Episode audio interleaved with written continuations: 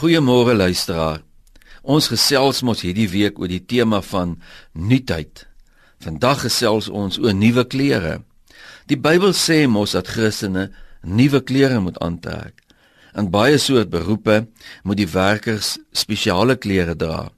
In die polisie en die weermag dra die personele uniform. En in die konstruksiebedryf dra die werkers beskermde klere.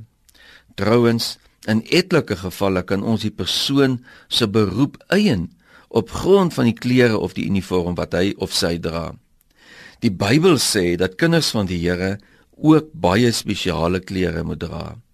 Dit beteken nie dat ons 'n T-hemp moet dra waarop daar staan dat ons gered is nie. Ja, ons mag seker 'n T-hemp dra waarop daar staan Jesus is the only way of religion sets rules. Jesus sets free. Maar dit is nie wat die Bybel bedoel wanneer ons lees dat ons spesiale klere moet dra nie. Kolossense 3 sê dat ons ou klere moet uittrek en dat ons dit so stikkende vodde eenkant moet gooi. Hierdie ou klere is simbool van 'n lewe wat gekenmerk word deur dinge soos woede, haat, nuut, vuil taal en leuns.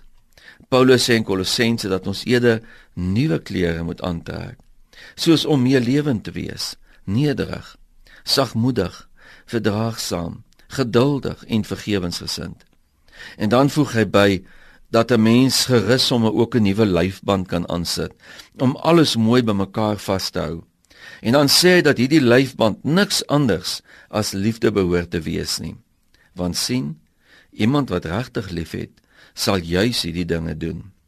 Net soos wat die wêreld geskok is as hulle sien iemand wat die klere van 'n veldwagter aan het, is besig om onwettig 'n renoster se horing te stroop.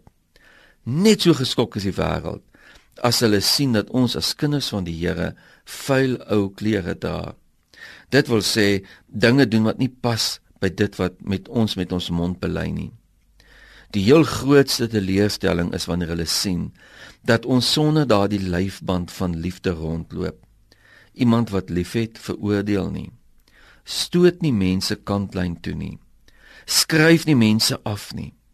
Iemand wat regtig liefhet, soos wat Jesus liefhet, omarm mense, akkommodeer standpunte, verdra mense. Hulle Facebook-inskrywings lyk like anders. Hulle tweets en hulle Instagram en SMS en WhatsApp boodskappe lyk like anders. Dit lyk soos die van mense wat nuwe klere aangetrek het. Mense behoort aan ons klere dit wil sê aan ons optrede te kan sien dat ons kinders van die Here is.